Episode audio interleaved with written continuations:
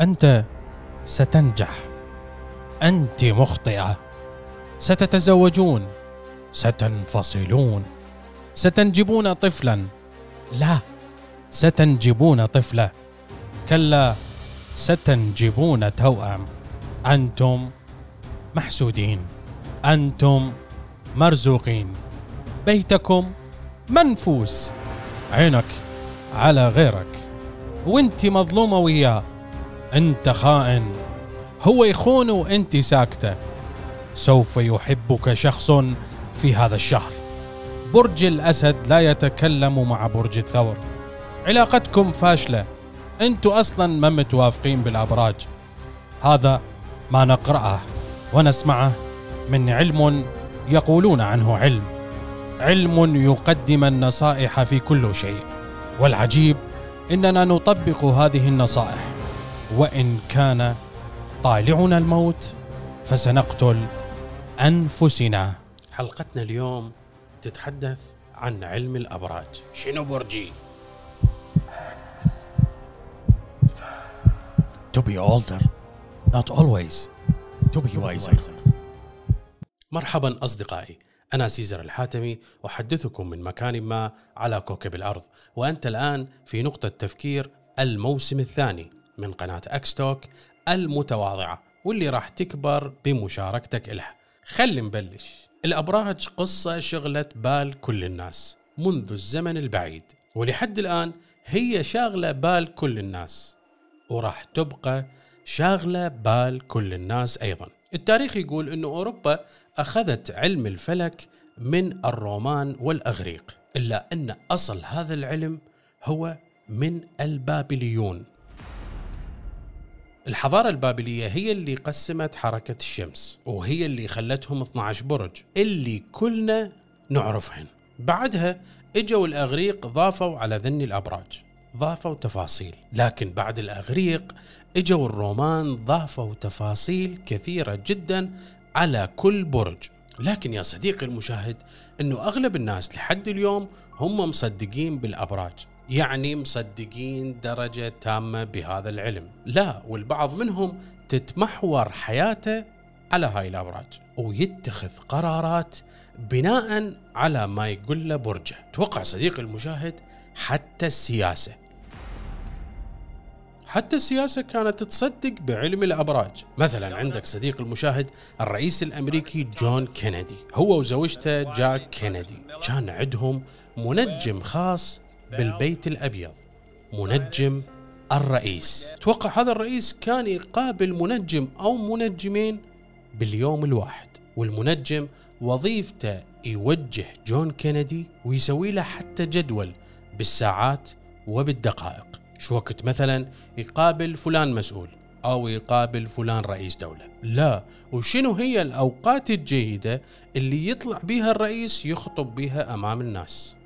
A state noted for strength, and we stand in need of all three. For we meet in an hour of change and challenge, ومثلا عندنا الرئيس الفرنسي فرانسوا ميدغان. كان يسوي كل شيء تقول له بيه المنجمة إليزابيث. توقع كان يعتمد على تنجيمها وعلى قراراتها حتى في تعيين وزراء لهذه الدولة. وهذا الرئيس الفرنسي كان معروف عنه أنه هو أطول لقاء له رسمي ما يتجاوز الربع ساعة. لكن من يلتقي ويا المنجمة إليزابيث يطول لقائهم تقريبا ساعة ساعة ونص أسبوعيا.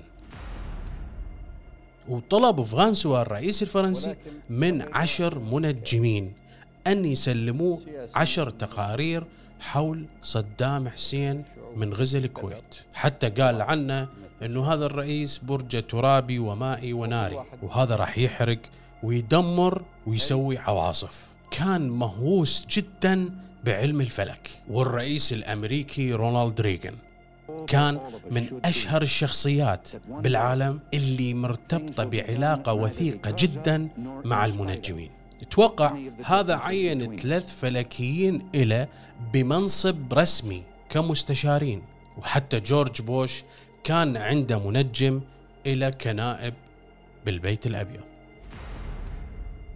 لكن أنا أتوقع يا صديقي المشاهد أنه كل واحد بينا عنده ولو فضول حتى يعرف أكثر عن هذا الموضوع. زين هي شنو الأسس اللي انبنى عليها هذا العلم؟ وشلون من نقرأ عن أبراجنا نعرف ونحس أو نتيقن أنه هذا الكلام هو فعلا علينا؟ شوف صديقي المشاهد.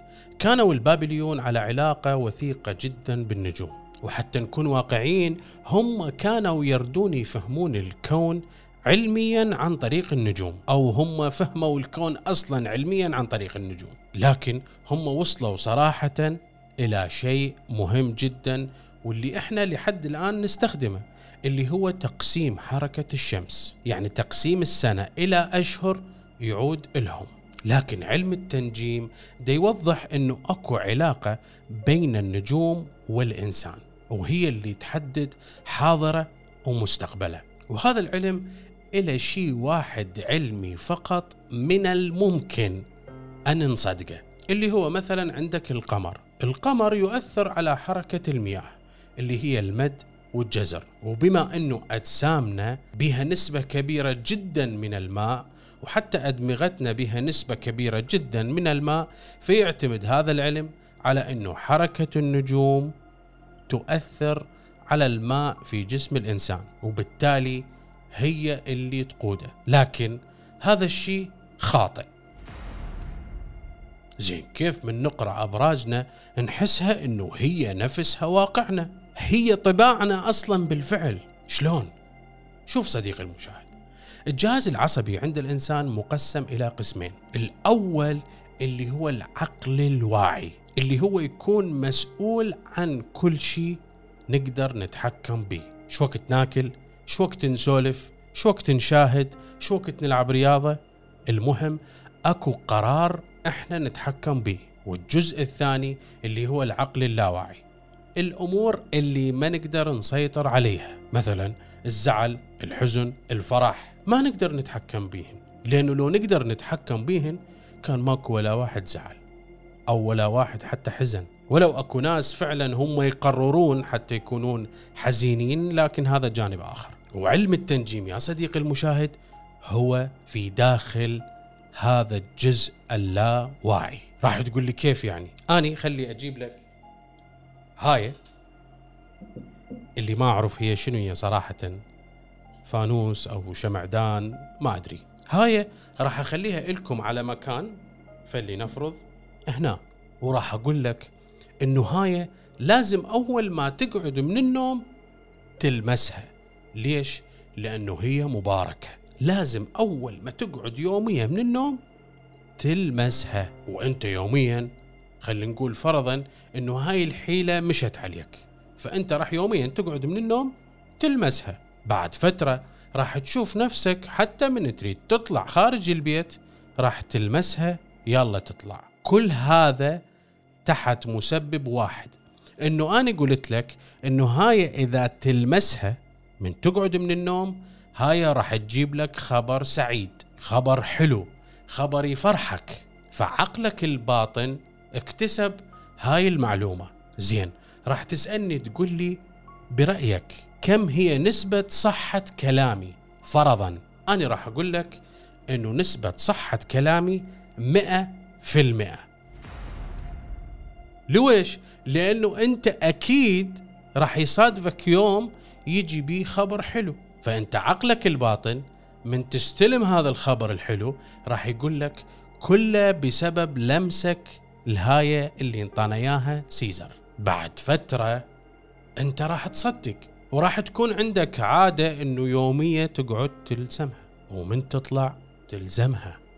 ليش؟ لأنه هي صارت مباركة بالنسبة لك وبعد فترة راح أقول لك إنه هاي إذا تلمسها المرأة الحامل راح يجي عندها ولد. فأنت عقلك الباطن مسيطرة عليها فكرة إنه هاي مباركة وإنه هاي تجيب لك الأخبار الجميلة. فحتى إذا الحامل اللي لمستها جابت أنثى أنت تقول لا. هاي معناتها المباركة الشمعدان مال سيزر تقصد على الحمل الجاي. يعني عقلك الباطن بدا حتى يخلق لك أعذار. وعقلك الباطن عقل خطير جدا. فالقضية هي أصلا غسيل أدمغة. راح تقول لي أني دماغي ما مغسول. لا مغسول دماغك لأنه كل البشرية دماغها مغسول. أتوقع أنت أبوك وجدك وجد جد جد جد جدك كان مؤمن بقضية الأبراج. فأنت تحس أنه الأمر صعب تكذيبه ومن صعب تكذيبه فاذا هو أمر حقيقي. والدليل أقول لك أنه هو دماغك لحد الآن هو مغسول وحتى أني أنه أني لحد الآن دا أذكر لك أنه هو علم التنجيم بس انت لحد الآن ما كاتب لي بالتعليق إنه التنجيم مو علم. فدماغك أيضا مغسول. توقع صديقي المشاهد اني هم أقرأ الأبراج للتسلية مرات لكن اكتشفت نفسي إنه اني مؤمن بيها ولو حتى كان هذا إيماني بشكل بسيط جدا لكن اني مؤمن بيها. خلي نرجع هاي المباركة. نخليها هنا ثبتي. وأريدك أنت يا صديقي المشاهد أن تقرأ كل الأبراج. راح تلقى كل الأبراج هي متشابهة. مثلا أني برج الثور 24 أبريل 86 يقول لي أنت ذكي ومثابر وبرج الأسد ألقاه هو صبور وقوي وما ينخدع. وبعدها السرطان ألقاه أيضا مثابر ويحب العمل الشاق وكذا وكذا. كل العبارات أو كل الجمل هي وحدة لكن بصيغة تختلف. لأنه الما ينخدع أكيد هو ذكي ولأنه الصبور أكيد هو قوي. وفلان برج يحب المنصب. ما هو أكيد الذكي والقوي والصبور يريد المنصب. فكلهن يدلن على تعبير واحد فقط. ولهذا سبب الأبراج بالعلم غير واقعي. وأنت تحس إنه البرج يتكلم عنك أنت لكن هو بالحقيقة كلام عام ينطبق على الجميع. وتوقع غسيل الأدمغة واصل إلى درجة إنه حتى لو آني أثبت لك إنه برج الثور هو نفس الكلام مال برج الأسد وأنت متأكد 100% إنه هو نفس الشيء راح أنت تتغاضى على هاي الأمور كلها لأنه عقلك الباطن هو اللي يدفعك إلى هذا التغاضي. ومن الناحية العلمية ب 2003 صارت تجربة علمية ودخلوا العلماء في بحث علمي حول تأثير القمر على مزاجيات الناس. وفعلا هاي الدراسة ثبتت إنه القمر له تأثير على مزاجيات الناس. لكن من إجوا يردون يعيدون هاي الدراسة ما طلعت نفس الأرقام. فالعلم رفض هذا البحث. لكن أتوقع يا صديقي إنه اني لحد الآن ما مصدق لأنه عقلي الباطن يرفض هالشي. فأنت الله يساعدك اللي ما مصدق كلامي بالوقت الحالي. وقد تكون أكو علاقة غير مباشرة بين علم الأبراج والعلم وهذا ما يقوله عقلي آني الباطن. دا يريد يطلع لي حجة على هذا الموضوع. يدفعني في سبيل حتى أصدق. وبعدين يرجع عقلي الباطن يقول لي قد بالمستقبل ينثبت هذا الشيء فأنت دا تشوف العقل الباطن إيش دا يسوي؟ لكن عجبي على الناس اللي ياخذون قرارات مهما كانت بسيطة أو مصيرية على أساس ما يقوله طالعهم أو برجهم أو حتى فنجانهم. لا تصدق بكل شيء حتى وإن كان متطابق مع شخصيتك 100% والسبب بسيط لأنك بشر والبشر متغير. ولا يقبل البشر الواعي الانصياع وراء كلمات مرتبة بجمل دقيقة لتحدد المستقبل أو الحاضر. وعجبي أيضا على من يطبق كلام المنجمين. أحدهم يطلق زوجته والأخرى تصدق إن زوجها خائن. وأنت اللي تستشير فلان وفلانة اللي هم المنجمين. تستشيرهم وتريد تعرف قرارك اللي انت اتخذته صح لو غلط. تستشيرهم هم وما تستشير الناس اللي هي أكفأ منهم. ما سألت نفسك المنجم أو المنجمة لويش ما يصلح حالة بالأول؟ كن كذا وكوني كذا وكن كذا وكوني كذا. جعلوكم مسيرين لا مخيرين. ونسيت حتى إنه أنت مخلوق ميز بالعقل والخيرة فيما اختارها الله. ولا تنسى كذب المنجمون ولو صدقوا. أخوكم سيزر الحاتمي. حاول أن تبحث وقرر أنت بنفسك. تحياتي لكم. مع السلامة. قالوا عنك والله. برج الثور عنده قدرة على الإقناع. صدق والله؟ وين مكتوب قول لي أريد أروح أقرأ بلكت يقولوا لي البرج راح تصير مشهور بسنة 2021 أو شو شنو.